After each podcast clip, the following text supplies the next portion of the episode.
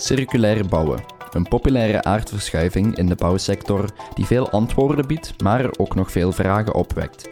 In deze aflevering beantwoorden we misschien wel een van de meest prangende vragen. Wat is de kostprijs van circulair bouwen?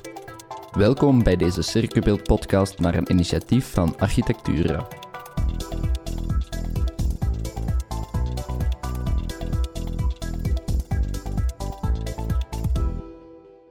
Welkom bij de podcast over de kostprijs van circulair bouwen. Onze eerste gast is Toon Possemiers, algemeen directeur van studie- en adviesbureau Synergie. Ik, ik denk dat um, in een as-a-service model dat de fabrikant uh, meer greep kan hebben op, op de grondstoffen, dus op termijn hergebruik. En vandaar kan dat ook financieel interessant worden voor hem. Maar ik weet niet of dat nu altijd al, uh, al wordt meegenomen, omdat er nu ook al veel as-a-service verkocht wordt, maar zonder dat dat misschien echt veel duurzamer is dan, uh, dan standaard. Als tweede zit Jona Michiels aan tafel. Hij is procesmanager innovatie voor de groep van Roei. En een van de enige manieren om als industrie echt, echt structureel en betaalbaarheid te werken, dat is door de productiviteit te verhogen. Mm. En dat kun je alleen maar doen door een vorm van standaardisatie. Ten slotte sluit ook Joep Rumgens aan. Hij is verantwoordelijk voor het productmanagement bij Schuko Benelux. En ik denk op dit moment wat je veel ziet gebeuren is dat we tekort aan handjes hebben, tekort aan gekwalificeerd personeel hebben,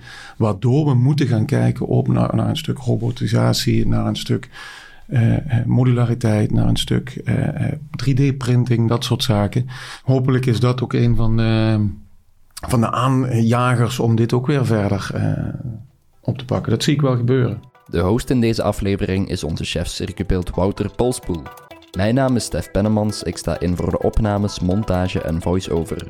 Ten slotte bedanken we onze structurele podcastpartners van de Circubeeld podcast. Terbigum, Chuco, Gyprox Saint-Gobain en Janssen AG. Heb je interesse in meer nieuws over circulair bouwen? Surf dan zeker naar onze website circubeeld.be.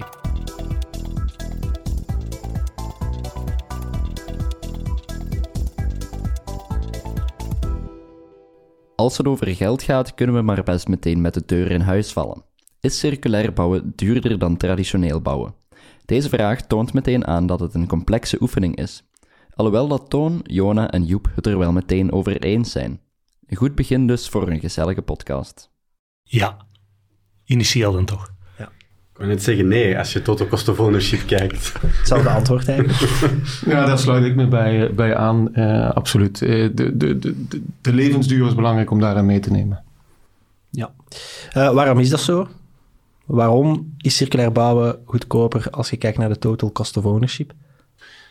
Nou ja, zelfs dat vind ik eigenlijk een te zwart, zwart-wit eigenlijk uitgedrukt. Het hoeft zelfs niet altijd zo te zijn dat, dat het op de korte termijn duurder is dan, uh, dan een normaal bouwproces. Maar over het algemeen kan men stellen dat uh, als ik naar circulariteit kijk, dat het zich pas gaat echt terugverdienen op de iets wat langere of middellange termijn. En dat komt doordat materialen kunnen worden hergebruikt en ruimtes, gebouwen. Ja, komt het ook niet meer over het feit we hebben decennia lang incentives gehad alleen maar op initiële kostprijzen. En vandaag, en ik begrijp dat ook wel, hè, een gebouw, dat kost heel veel. En dat maakt eigenlijk niet uit, blijkbaar, dat dat maar 30% van de totale levenscycluskost is. Want dat is wat de literatuur zegt. Dat gaat nog steeds over 10 miljoen euro. Dat is veel geld. En dan iets meer investeren, terwijl, ja, de klant wil natuurlijk veel. Keuzes maken. En uh, zolang dat die incentive heel hard blijft op de initiële kostprijzen, zijn, is heel die bouweconomie zich ook meer gaan zetten naar proberen die, die initiële kostprijs te drukken. En nu zetten we de tegenbeweging in. En dat zal nog wel even duren, denk ik, ja. vooraleer dat we daar... Dat is een beweging die we ook zagen met energie. Energiebesparende maatregelen, dat is nu een beetje uh, common sense, dat je die wel doorvoert, omdat je weet dat je dat op korte termijn kan terugverdienen. Uh, bij circulair bouwen is die terugverdientijd iets langer. Het is pas als je de, de renovaties of de afbraak gaat beginnen mee incalculeren, uh, dat het ook kan, uh, kan opbrengen. Maar ook nog verder, het gebruik van het gebouw uh, is natuurlijk ook een hele belangrijke kost daarin. Als je dan naar bijvoorbeeld uh, well-being kijkt, en zeker in kantoorgebouwen, de initiële bouwkost is, is maar een klein deel van alle werknemerslasten die ik over het hele gebouw heb. Dus als ik dat allemaal mee betracht, ja, dan is dat stuk bouw som maar een klein onderdeel. Circulair bouwen gaat om het in de kringloop houden van grondstoffen. Circulaire bouwproducten worden ontworpen om zo lang mogelijk mee te gaan. Per definitie betekent dat minder verkoop, althans in het huidige lineaire economische model. Daarom zullen we het eerst hebben over waarom fabrikanten eigenlijk inzetten op circulaire bouwproducten. Het begint al bij een stuk maatschappelijke verantwoordelijkheid. Eh, dat is een stuk verantwoordelijkheid die, die iedereen moet nemen, die wij ook als leverancier nemen. Ehm, gelukkig zitten wij sowieso al aan de kant waar wij altijd vanuit uh, ons DNA eigenlijk al gekozen hebben voor de hoogste kwaliteit, voor de producten dusdanig af te leveren dat die uh, zo lang mogelijk in een uh, levenscyclus behouden blijven.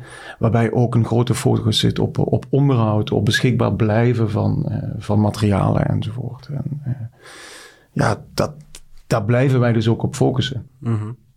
Jullie zijn geen fabrikant, Jona en uh, Toon, maar hebben daar misschien ook wel een mening over? Ik heb daar wel een mening over. Ja, sowieso. Um, ik, ik, denk dat um, in een as-a-service model dat de fabrikant uh, meer greep kan hebben op, op de grondstoffen, dus op termijn hergebruik. En vandaar kan dat ook financieel interessant worden voor hem.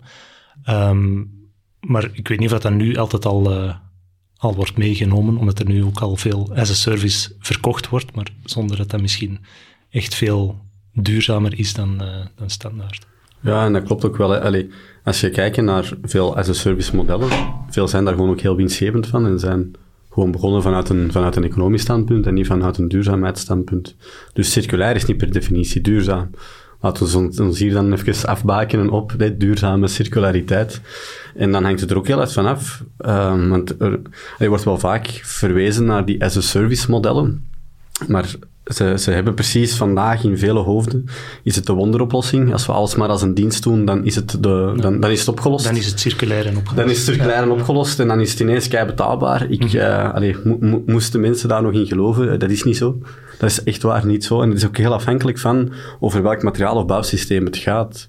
En dus als het gaat over technieken of dingen waar energieverbruik in zit, of, of, of meubilair, dat heeft een korte, kortere doorlooptijd. Dus daar is een, een, een as-a-service model veel sneller haalbaar dan als je bijvoorbeeld naar, naar andere, allee, als je naar de structuur gaat kijken, dan moet je niet als een, als een, als een service gaan doen.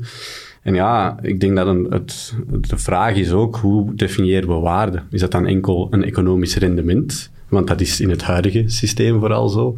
Maar wat wij vooral zien in die as-a-service modellen, uh, wat we bijvoorbeeld met Sportoase doen, dat is ook een stukje klantenbinding. Hè. Is ook waarde blijven toevoegen, dicht bij je klant blijven, ook die bezorgdheden daar voelen.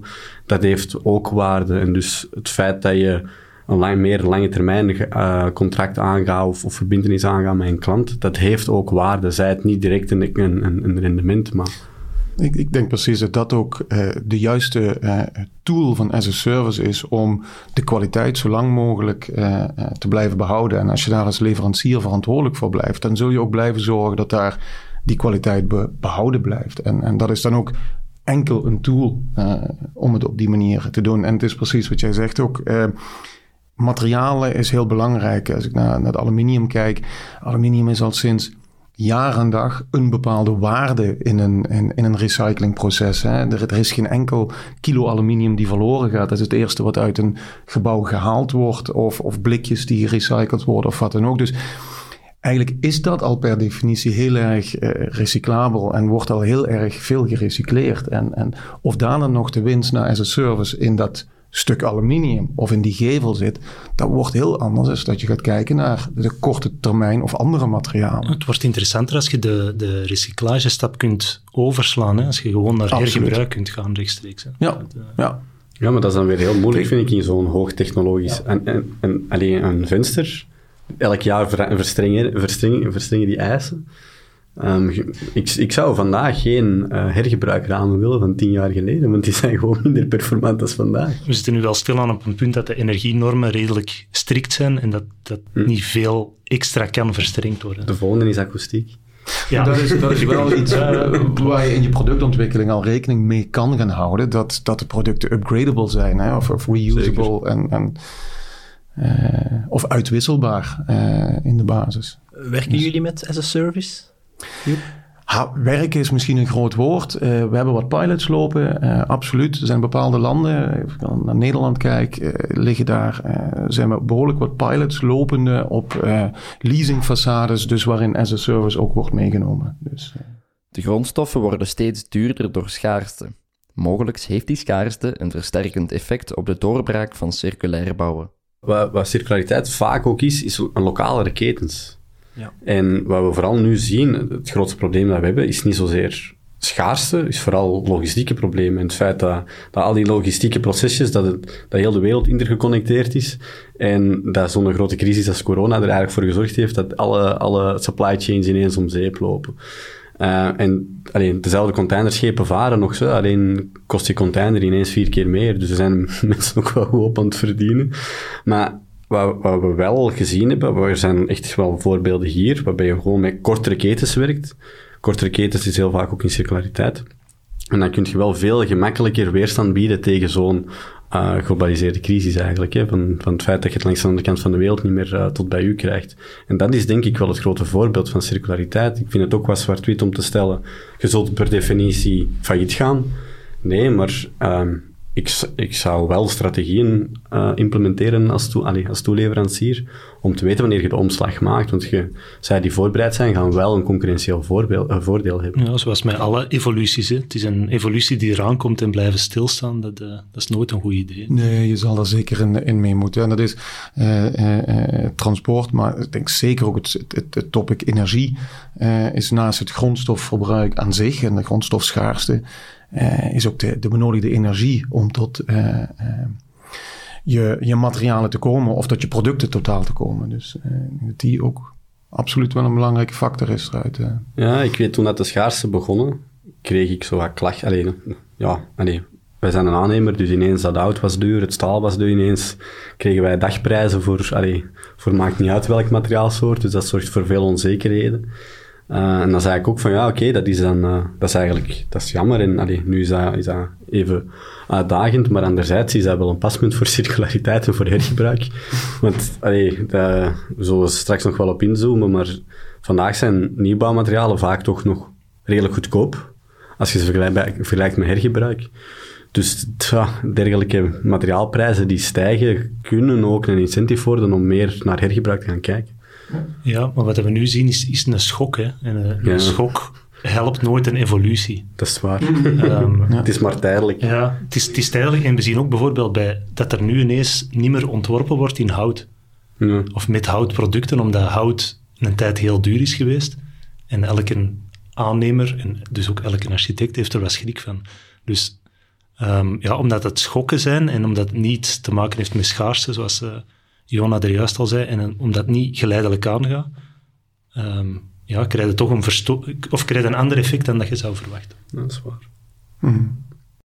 En dat is dus niet blijvend volgens u, dat effect? Ja, we zien heel veel um, ontwerpers en uh, aannemers die denken aan circulariteit, maar um, ik denk niet dat er veel zijn die nu door die hoge grondstofprijzen echt geneigd zijn om grote aanpassingen te doen.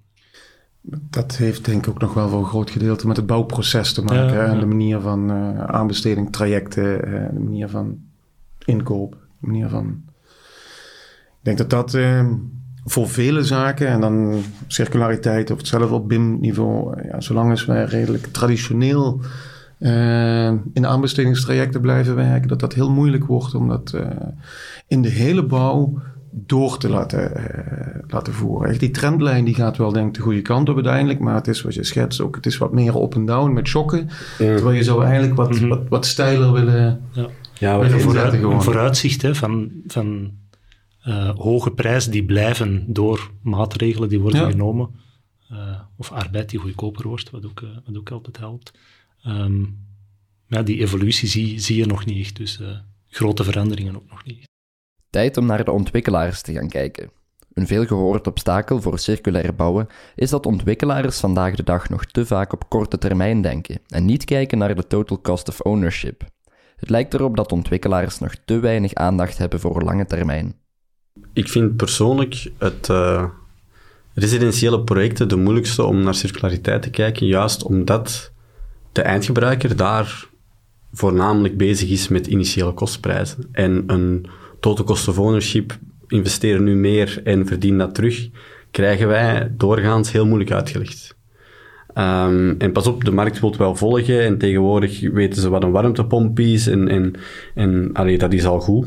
Maar circulaire materialen en, en een ander bouwsysteem, dat krijg je heel moeilijk gevaloriseerd. En um, allee, eigenlijk gaat het ook over heel hard individueel eigenaarschap. Ik begrijp dat ook. Iedereen kan maar zoveel lenen bij de bank, dus kan maar zoveel betalen. Wij kunnen niet meer aan de markt vragen dan dat de markt bereid is te betalen. Dus je zit met een hele harde concurrentie en die is zuiver, wordt zuiver en alleen gevoerd op initiële kostprijzen. En ja, zolang dat je dat model niet kunt omdraaien, dat het echt op een verkoop blijft. Want het is iets heel lineair. Hè? Projectontwikkeling is lineair. Klopt. Dat Dus is- dat probleem is zich volgens u vooral voor bij residentiële projecten. Dat, dat is moeilijker om te doorbreken. To- Doet zich overal voor. Hè? Het, het feit dat vooral naar korte termijn gekeken wordt, doet zich al voor. Maar met institutionele beleggers of, of ehm, met lokale besturen kan je dat gesprek wel al aangaan. Over een terugverdientijd van 10 jaar of eh, mogelijk een derde partijfinanciering. Dus dat is wel mogelijk. Uh, maar is, is net iets moeilijker uh, voor op, wijkniveau, um, als het echt over woningen gaat. We zijn daar nu wel uh, steeds meer aan het doen als het gaat over uh, energievoorzieningen. Dus met warmtenetten, dan heb je al wel een bepaalde schaal nodig. Dan spreek je echt over wijken, dan spreek je ook niet over, over kleinere projecten. Um, waarbij dat dan bijvoorbeeld in een ESCO gestoken wordt, een Energy Service Company, waar dat dan al een deel van die investering eigenlijk in opgenomen wordt en wordt terugverdiend. Want wederom, allee, er is vandaag eigenlijk, en dat is cru om te zeggen, maar dat is gewoon een economische realiteit, er is geen incentive voor een ontwikkelaar om meer te investeren in technieken. Want die meerinvestering, die kan die niet valoriseren in de markt. En eigenlijk is het de koper die daar uh, het voordeel van heeft, van een lagere energiefactuur. En wat ESCO eigenlijk doet, is, laat ons uh, die meerinvestering pakken. Dat is ook maar een meerinvestering. Wederom, ook hier, dat is hetzelfde verhaal. Geen wondermiddel. Dat is maximaal 30% van de totale investeringskost van de technieken. Kun je in een ESCO steken. Um, en kun je op die manier eigenlijk laten ja, terugverdienen. En je, je helpt daar eigenlijk wel mee. Dat is wel een mooi voorbeeld van hoe dat er wel naar meer duurzaamheid gekeken kan worden. Uh, omdat de, het kost niet meer voor de ontwikkelaar, dus die kan nog steeds binnen zijn huidig model blijven werken. Um, maar er zit wel, je kunt wel spreken over een duurzamer project. Maar, maar zijn kostprijs heeft toch wel invloed op zijn uiteindelijke energierekening. Uh, maar die koppeling wordt dan ah, ja, niet moeilijk gemaakt nog. Die in, in de, Nee, nee. De, de, de, woningmarkt wordt heel hard gestuurd door regelgeving. Door de, ja, ja. Enkel dat, dat. Enkel als de regelgeving strenger wordt, dan zoeken de mensen ook naar energiezuinigere mm. woningen. Dus uh, ligt daar dan de op oplossing? Of? Een van de oplossingen volgens mij wel, ja. ja, ja. Ja, ik ken maar, ik zeg dat wel vaker, ik ken maar twee echte harde incentives. En dat is uh, euro of wetgever. Ofwel moet het, moeten ondernemers zeggen, amai, deze vinden we interessant, want er is beter geld te verdienen met het alternatief. Mhm. Mm.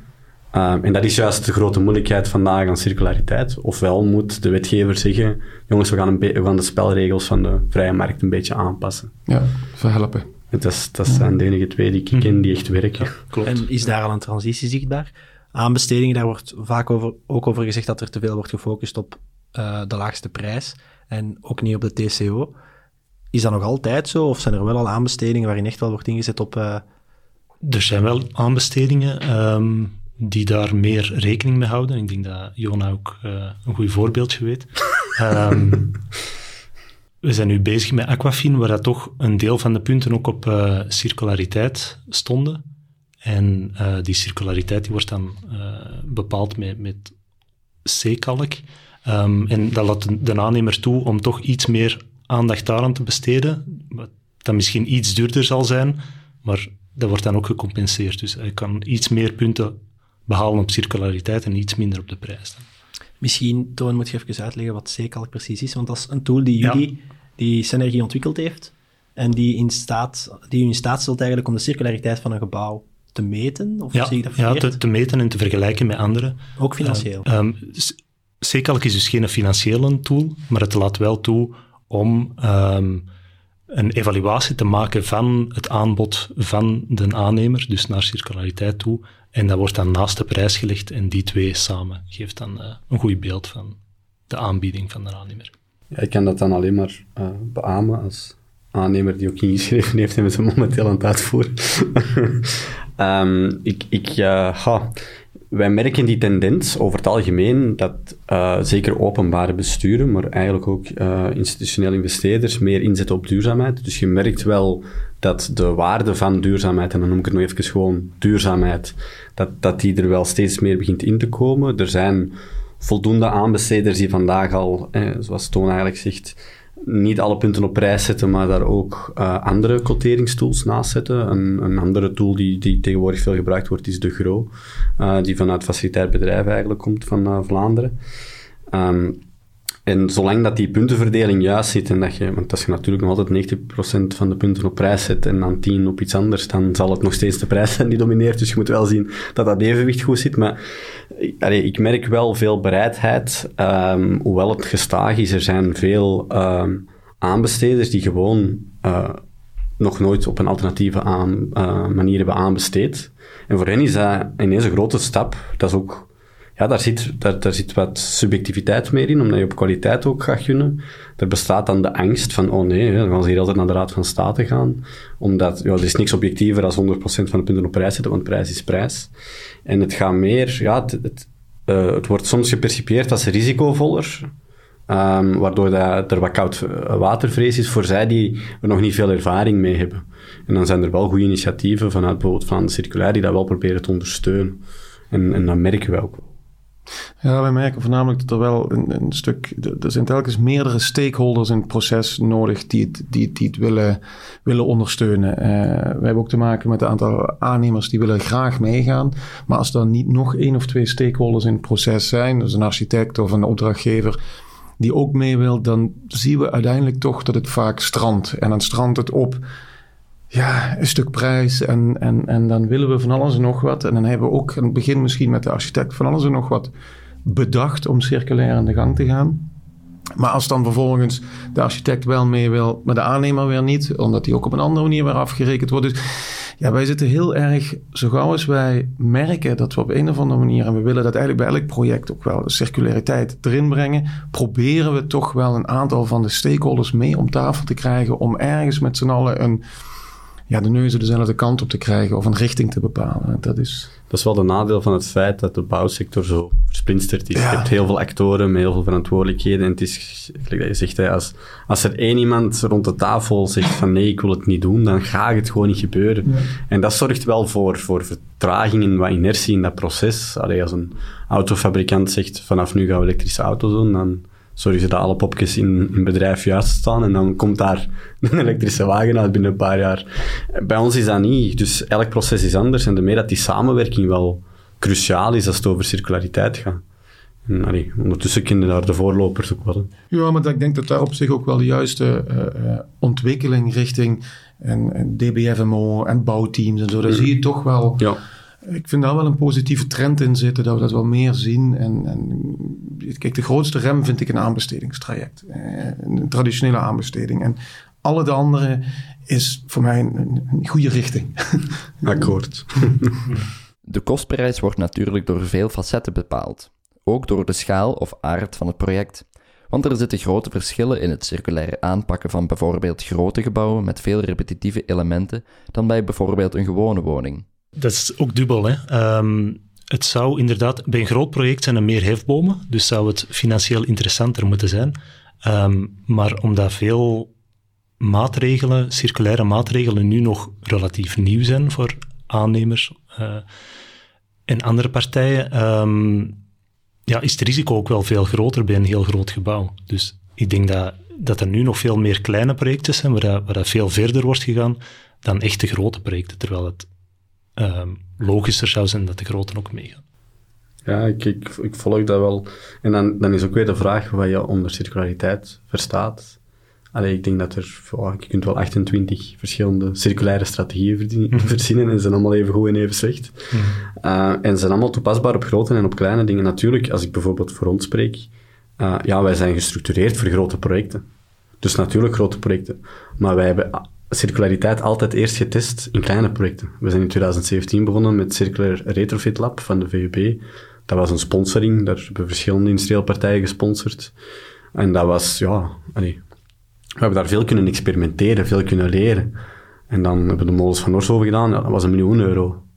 Ja, dat is nog altijd voor onze schaal een kleiner project, maar toch nog behapbaar. We hebben meegedaan met de circulaire aanbesteding van Camp ook een miljoen investering, een miljoen OPEX ja, dat was, dat was klein, misschien zelfs te klein. En dan zijn we zoiets gesprongen bij Aquafin. En dat is dan ineens 10 miljoen euro.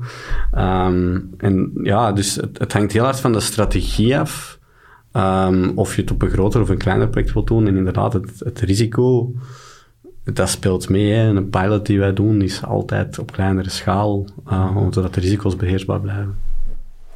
Vooral doorslaggevend zal het, het juridische eigenaarschap uh, uh, ook zijn daarna. In, is het interessant of wanneer wordt het interessant? Ik weet niet of de schaal heeft natuurlijk iets te maken met modulariteit en zo. Maar of het zich echt daadwerkelijk uitrekent, is eerder de functie van het gebouw, denk ik. En, en, en hoe de juridische eigenaarschap achteraf blijft. En voor hoe lang blijft die, op, op welke termijn. Het woord modulariteit is gevallen. De kostprijs heeft natuurlijk ook vaak te maken met de manier van bouwen. Als we meer modulair en eenvoudiger gaan bouwen, kan de prijs misschien ook gedrukt worden. Liggen modulair bouwen en eenvoudiger bouwen in het verlengde van circulair bouwen?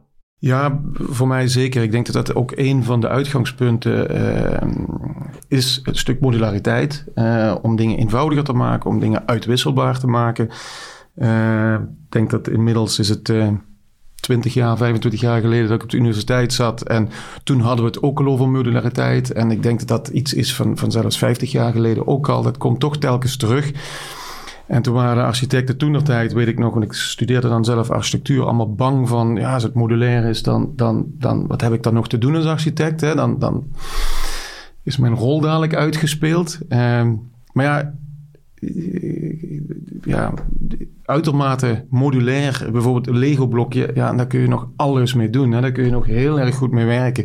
En zo zie ik ook, als ik dan naar, naar bijvoorbeeld gevels kijk, Alleen je moet wel met elkaar afspraken maken over die modulariteit, over maatgeving, over uitwisselbaarheid. En, dat, dat is. Ja, dus het, terugkomend naar de vraag modulariteit, ja, uh, is absoluut wel een, een, een invloed op uh, circulariteit en ook de kostprijs. Ja. Absoluut. Ja, als je, allee, wat ik wel een heel belangrijke vind, is um, als je gaat kijken naar, heel veel, naar de maakindustrie, is er altijd een hoge uh, verbetering van de productiviteit geweest. Wij betalen naar onze levensstandaard nog altijd evenveel voor een auto als vroeger. Maar je krijgt veel meer auto in de plaats. En, uh, en dat is puur omdat die productiebedrijven blijven innoveren en eigenlijk de uh, productiviteit stijgt sneller als uh, de indexering, als het feit van uh, de inflatie. Dus wat zorgt er eigenlijk voor dat je meer kwaliteit krijgt? Dat is bij alle sectoren zo geweest. De maakindustrie, de archie, uh, dus ook de, de, de, voedselproductie, die hebben allemaal hele grote productiviteitsstijging gekregen. Alleen bij de bouw is dat niet. Hmm. Gemiddelde productiviteitsverbetering van 0,5 procent de laatste 20 jaar in Europa. Er is maar één sector in Europa die het minder goed doet en dat is de visvangst.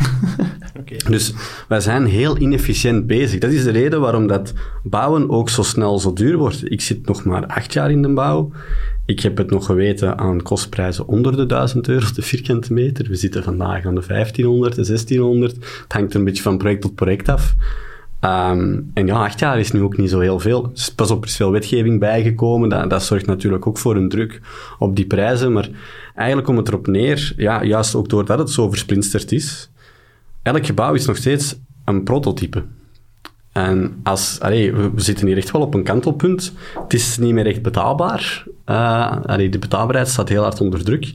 En een van de enige manieren om als industrie echt echt structureel aan betaalbaarheid te werken, dat is door de productiviteit te verhogen. Mhm. En dat kun je alleen maar doen door een vorm van standaardisatie. Dat is een heel vies woord. We zitten hier ook in een architectuurshuis. dus eh, bouwstandaardisatie en industrialisatie, dat, is, dat wordt soms inderdaad als een bedreiging gezien, maar ik zie dat ook niet als een bedreiging. Omdat dat de creativiteit van architecten danig beperkt? Of?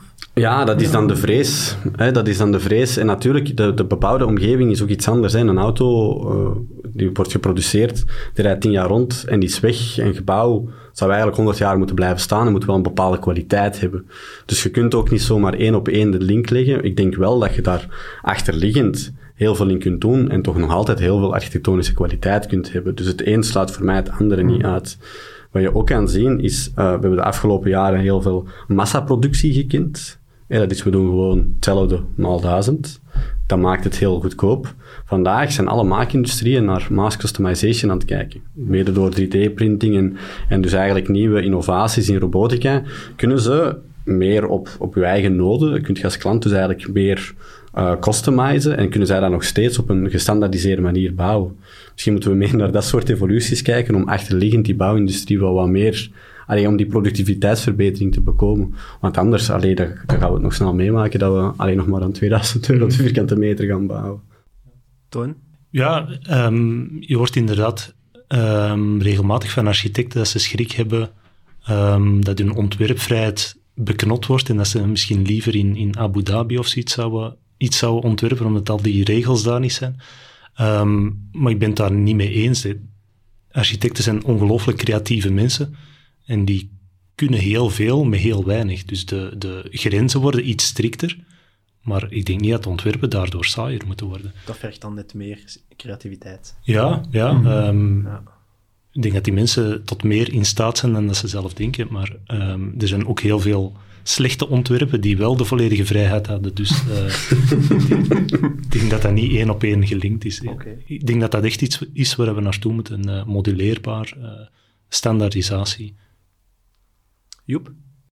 Nou, helemaal mee eens. Ik denk dat dat ook wel voor een groot gedeelte misschien ook weer wordt ingegeven. Het stukje mass customization uh, door... Ja, dat zit, je hebt toch altijd iets nodig om de boel weer op gang te trekken. En ik denk op dit moment wat je veel ziet gebeuren... is dat we tekort aan handjes hebben. Tekort aan gekwalificeerd personeel hebben. Waardoor we moeten gaan kijken op naar een stuk robotisatie, naar een stuk... Uh, modulariteit, naar een stuk 3D-printing, dat soort zaken. Hopelijk is dat ook een van de van de aanjagers om dit ook weer verder uh, op te pakken. Dat zie ik wel gebeuren. Er werd eerder al gepraat over hoe overheden circulaire bouwen kunnen stimuleren bij aanbestedingen. Maar wat kan de overheid concreet doen om circulair bouwen financieel ook interessanter te maken? Goh, ik zie in, in Brussel um, zijn ze al lang geleden begonnen met voorbeeldgebouwen. En dat, dat was eerst toegespitst op uh, energie alleen. En er stonden dan subsidies tegenover om energiezuiniger te ontwerpen en te bouwen. Uh, die, dat is allemaal gepasseerd, dus aannemers, ontwerpers hebben daar ervaring kunnen opdoen. Dat is dan uh, omgezet in wetgeving. Um, nu zien we dezelfde stap naar circulariteit of naar duurzamere maatregelen. Uh, die voorbeeldgebouwen zijn er nog altijd, maar die moeten dan aan heel strenge energie-eisen voldoen. En daarbovenop nog x aantal circulaire maatregelen. Waardoor de aannemers gechallenged worden om nieuwe dingen te zoeken.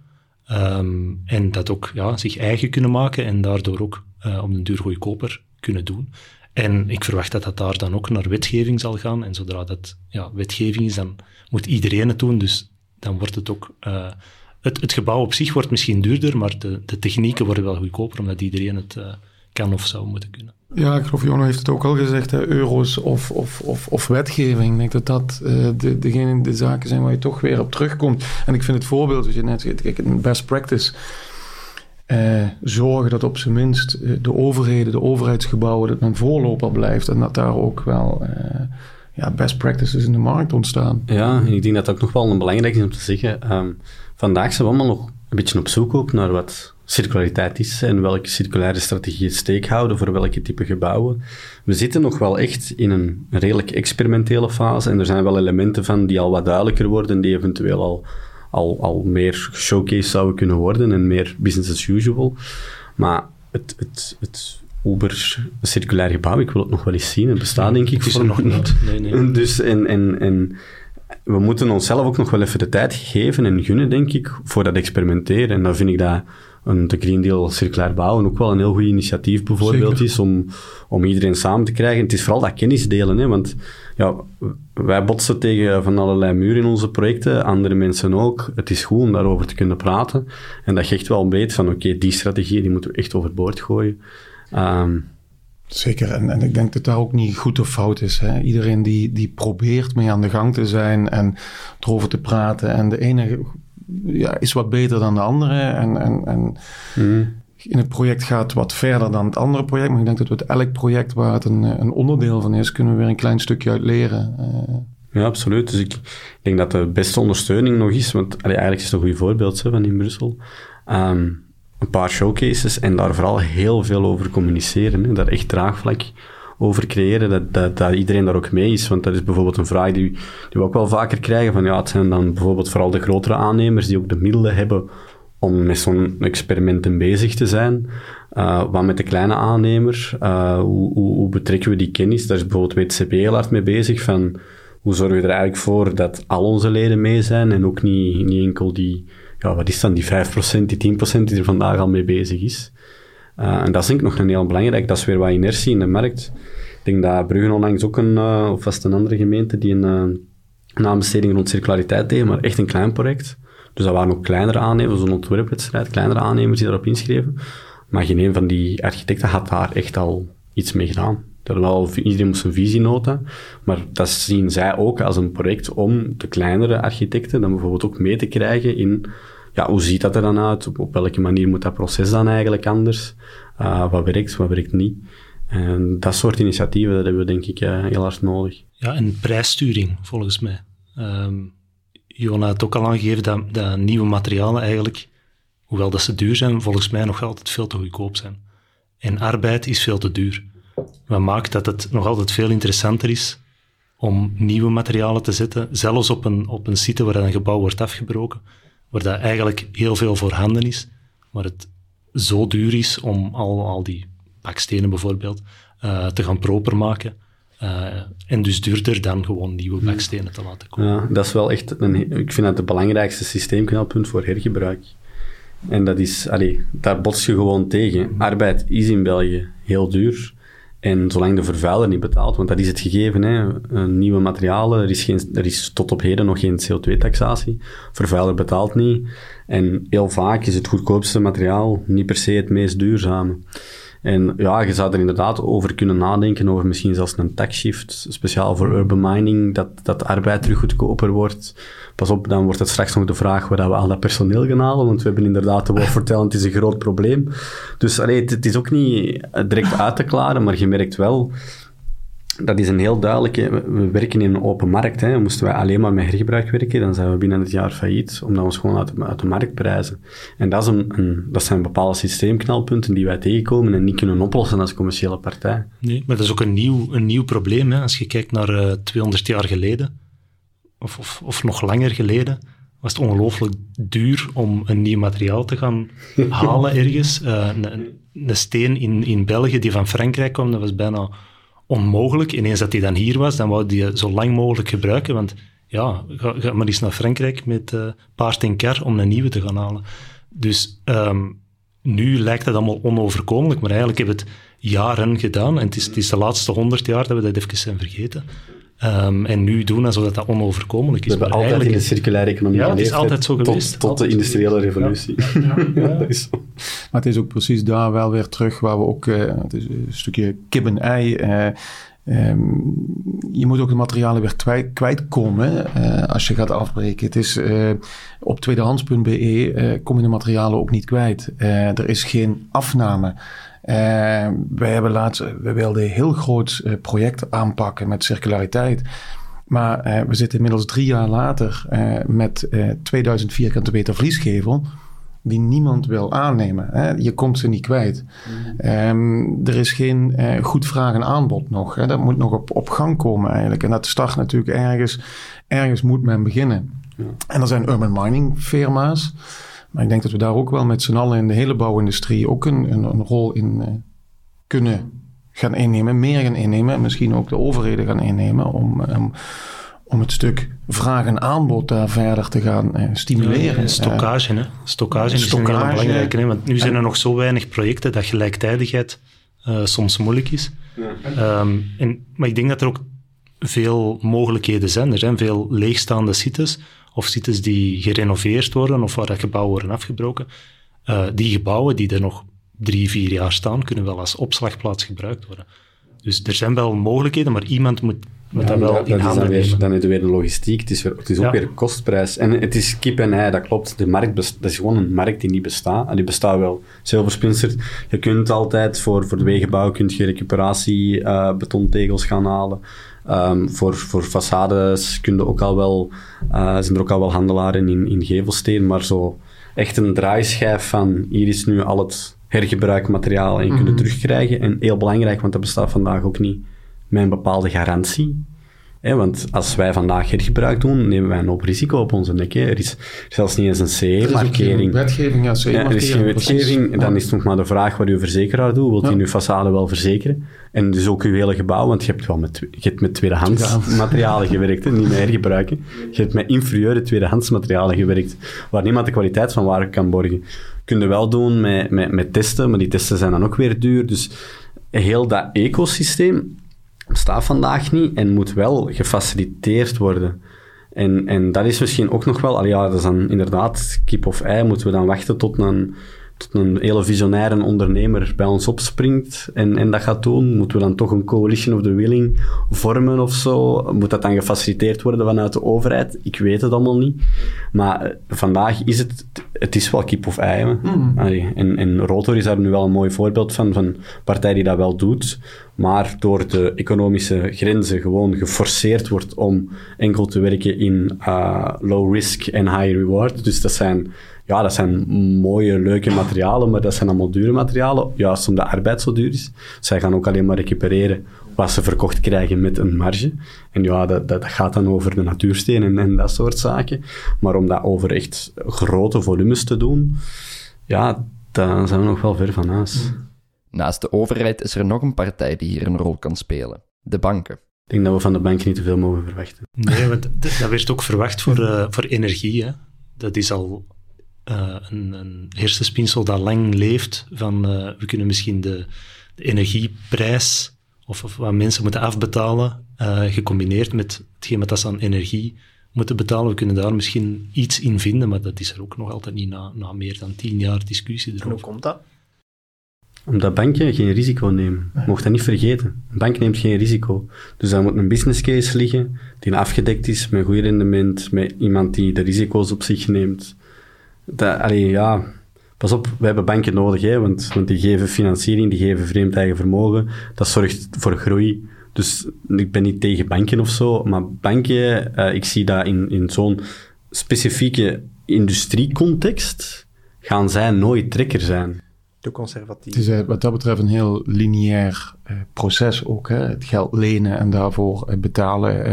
wij hebben dat in verschillende eh, leasingconstructies eh, gehad. En ik nodig absoluut banken uit om daaraan mee te denken. Maar tot nu toe inderdaad helaas ook nog niet kunnen, kunnen rondkrijgen met banken... dat ze meedenken in circulaire businessmodellen. Ehm, Nee, moeilijk. het is te veel. Hè, en, en, leaseprijs is gebaseerd op het stuk eh, eh, onderhoud, een stuk management en risico. En dan het hele stuk financieren. En zolang als je dat hele stuk financieren tegen ja, extreem hoge eh, rentevoeten doet, ja, dan kun je zoiets nooit eh, circulair rondrekenen. En, Ja. en dat is het stuk lineair wat Klopt. je probeert te pakken in het circulaire, dat gaat niet. Maar er zitten vandaag ook wel wat risico's in die eerste circulaire verdienmodellen, omdat ze nieuw zijn. Tuurlijk. En dan komen we terug Maar- bij een bankje die eigenlijk, en je moet dat echt tussen je oren knopen, hè, want in het begin misschien dat ook niet, een bank neemt geen risico's. Maar, maar, daar, daar komen we ook weer bij het risico en het juridisch verhaal. Eh, eh, wie is, en dan kun je helemaal aan het begin van de podcast zaten we volgens mij op het stuk eigenaarschap. Wie is eigenaar van de materialen? Wie is eigenaar van de onderdelen, van de elementen in het gebouw? En, en, en ja, daar zit zo'n bank altijd ook mee te stoeien natuurlijk. Eh, Ja, ja, Terecht, als- want het risico bij faling is, is- ik moet materiaal gaan terughalen, Ja. maar dat is dan niet van en ons. de is nog van Ja, exact. ja. Dus, maar, de fabrikant. en Dus ik begrijp dat wel. Dat, ik begrijp het ook. Alleen daar zit je constant te stoeien met het stuk lineair en circulair. We zijn wel met het circulaire businessmodel, maar met een lineair proces met een bank bezig. We naderen het einde van de podcast, maar eerst vragen we onze gasten om nog een tip te geven over hoe we de kostprijs van circulair bouwen naar beneden kunnen halen. Ik heb hem er juist al gezegd, de prijs van arbeid naar beneden en de prijs van materiaal naar boven.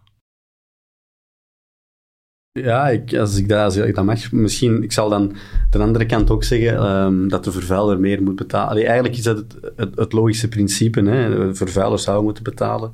Ik denk dat je naar, maar de Europese Unie is dan aan het kijken, hè, naar een vorm van CO2-taxatie, ook zeker van wat geïmporteerd wordt. Want, allee, vergis u niet, het aluminium dat we van China halen is wel vijfvoud of een viervoud zo vervuilend als het aluminium dat door snee in Europa geproduceerd wordt. Maar het kost wel evenveel. En dat, allee, dat, dat, dat, dat, dat wringt. En dus, allee, aanvullend dan, de vervuiler moet betalen om de bijvoorbeeld, dit is maar een voorbeeld, er zijn misschien nog andere mechanismes, maar iets als een CO2-taxatie. Oké. Joep? Ja, eigenlijk sluit het daarbij aan, maar voornamelijk denk niet te complex. Eh, vaak is met, eh, op een goede manier met elkaar communiceren al eh, de sleutel tot, tot, tot goede circulaire oplossingen. Denk in oplossingen. Naar een goede gewoonte sluiten we onze podcast af met een inspirerende quote rond circulair bouwen. Toon steekt van wal. Ik, ik ben wel een beetje moeten gaan zoeken naar, eh, naar quotes. Ehm, ik heb mij geïnspireerd op ehm, de initiatieven die er nu zijn om eh, sloop aan te moedigen eh, voor nieuwbouw, te, eh, om meer nieuwbouw te krijgen. En ik heb er eentje gevonden van Mahatma Gandhi. En die zei, slechts diegene mag slopen die iets beter kan bouwen. Dus enkel als, als, er, als het echt nodig is om iets nieuw te bouwen, dan mocht je niet bouwen. Anders moet je eerst kijken of dat je dat gebouw niet kunt aanpassen of, of een deel van het gebouw kunt hergebruiken. Als tweede is Joep aan de beurt. Ja, ik hou het wat dichter bij huis. Onze CEO, eh, Andreas Engelhard, eh, zei ooit en, en herhaalt het ook geregeld. eh, eh, duurzaamheid is geen trend en eh, ook circulariteit is geen trend, maar een houding. Het, het moet in je DNA zitten.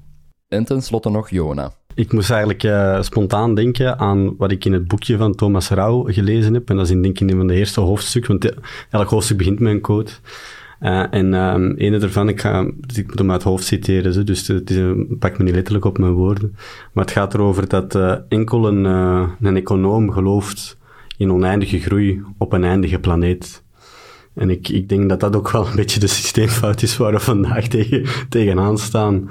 Ehm, ja, eigenlijk zijn alle materialen super schaars, maar als je kijkt naar de prijzen, die relatief gezien toch altijd spotgoedkoop zijn, hebben we even de illusie alsof, alsof er een oneindige bron van materialen aanwezig is. En dat is zeker en vast niet het geval.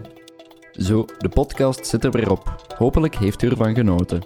Wij bedanken onze praatgasten Toon Possemiers van Senergie, Joep Rumgens van Chuco Benelux en Jona Michiels van Groep van Roei. Wouter Polspoel was de host van dienst en mijn naam is Stef Pennemans. Ik stond in voor de opnames, montage en voice-over. Ten slotte bedanken we onze structurele podcastpartners van de Circubeeld podcast. Derbigum, Chuco, Gyproc, Saint-Gobain en Janse AG. Blijf zeker de Circubeeld podcast en de andere podcast van Architectura luisteren. En heb je interesse in meer nieuws over circulaire bouwen? Surf dan zeker naar onze website circubeeld.be. Tot horens!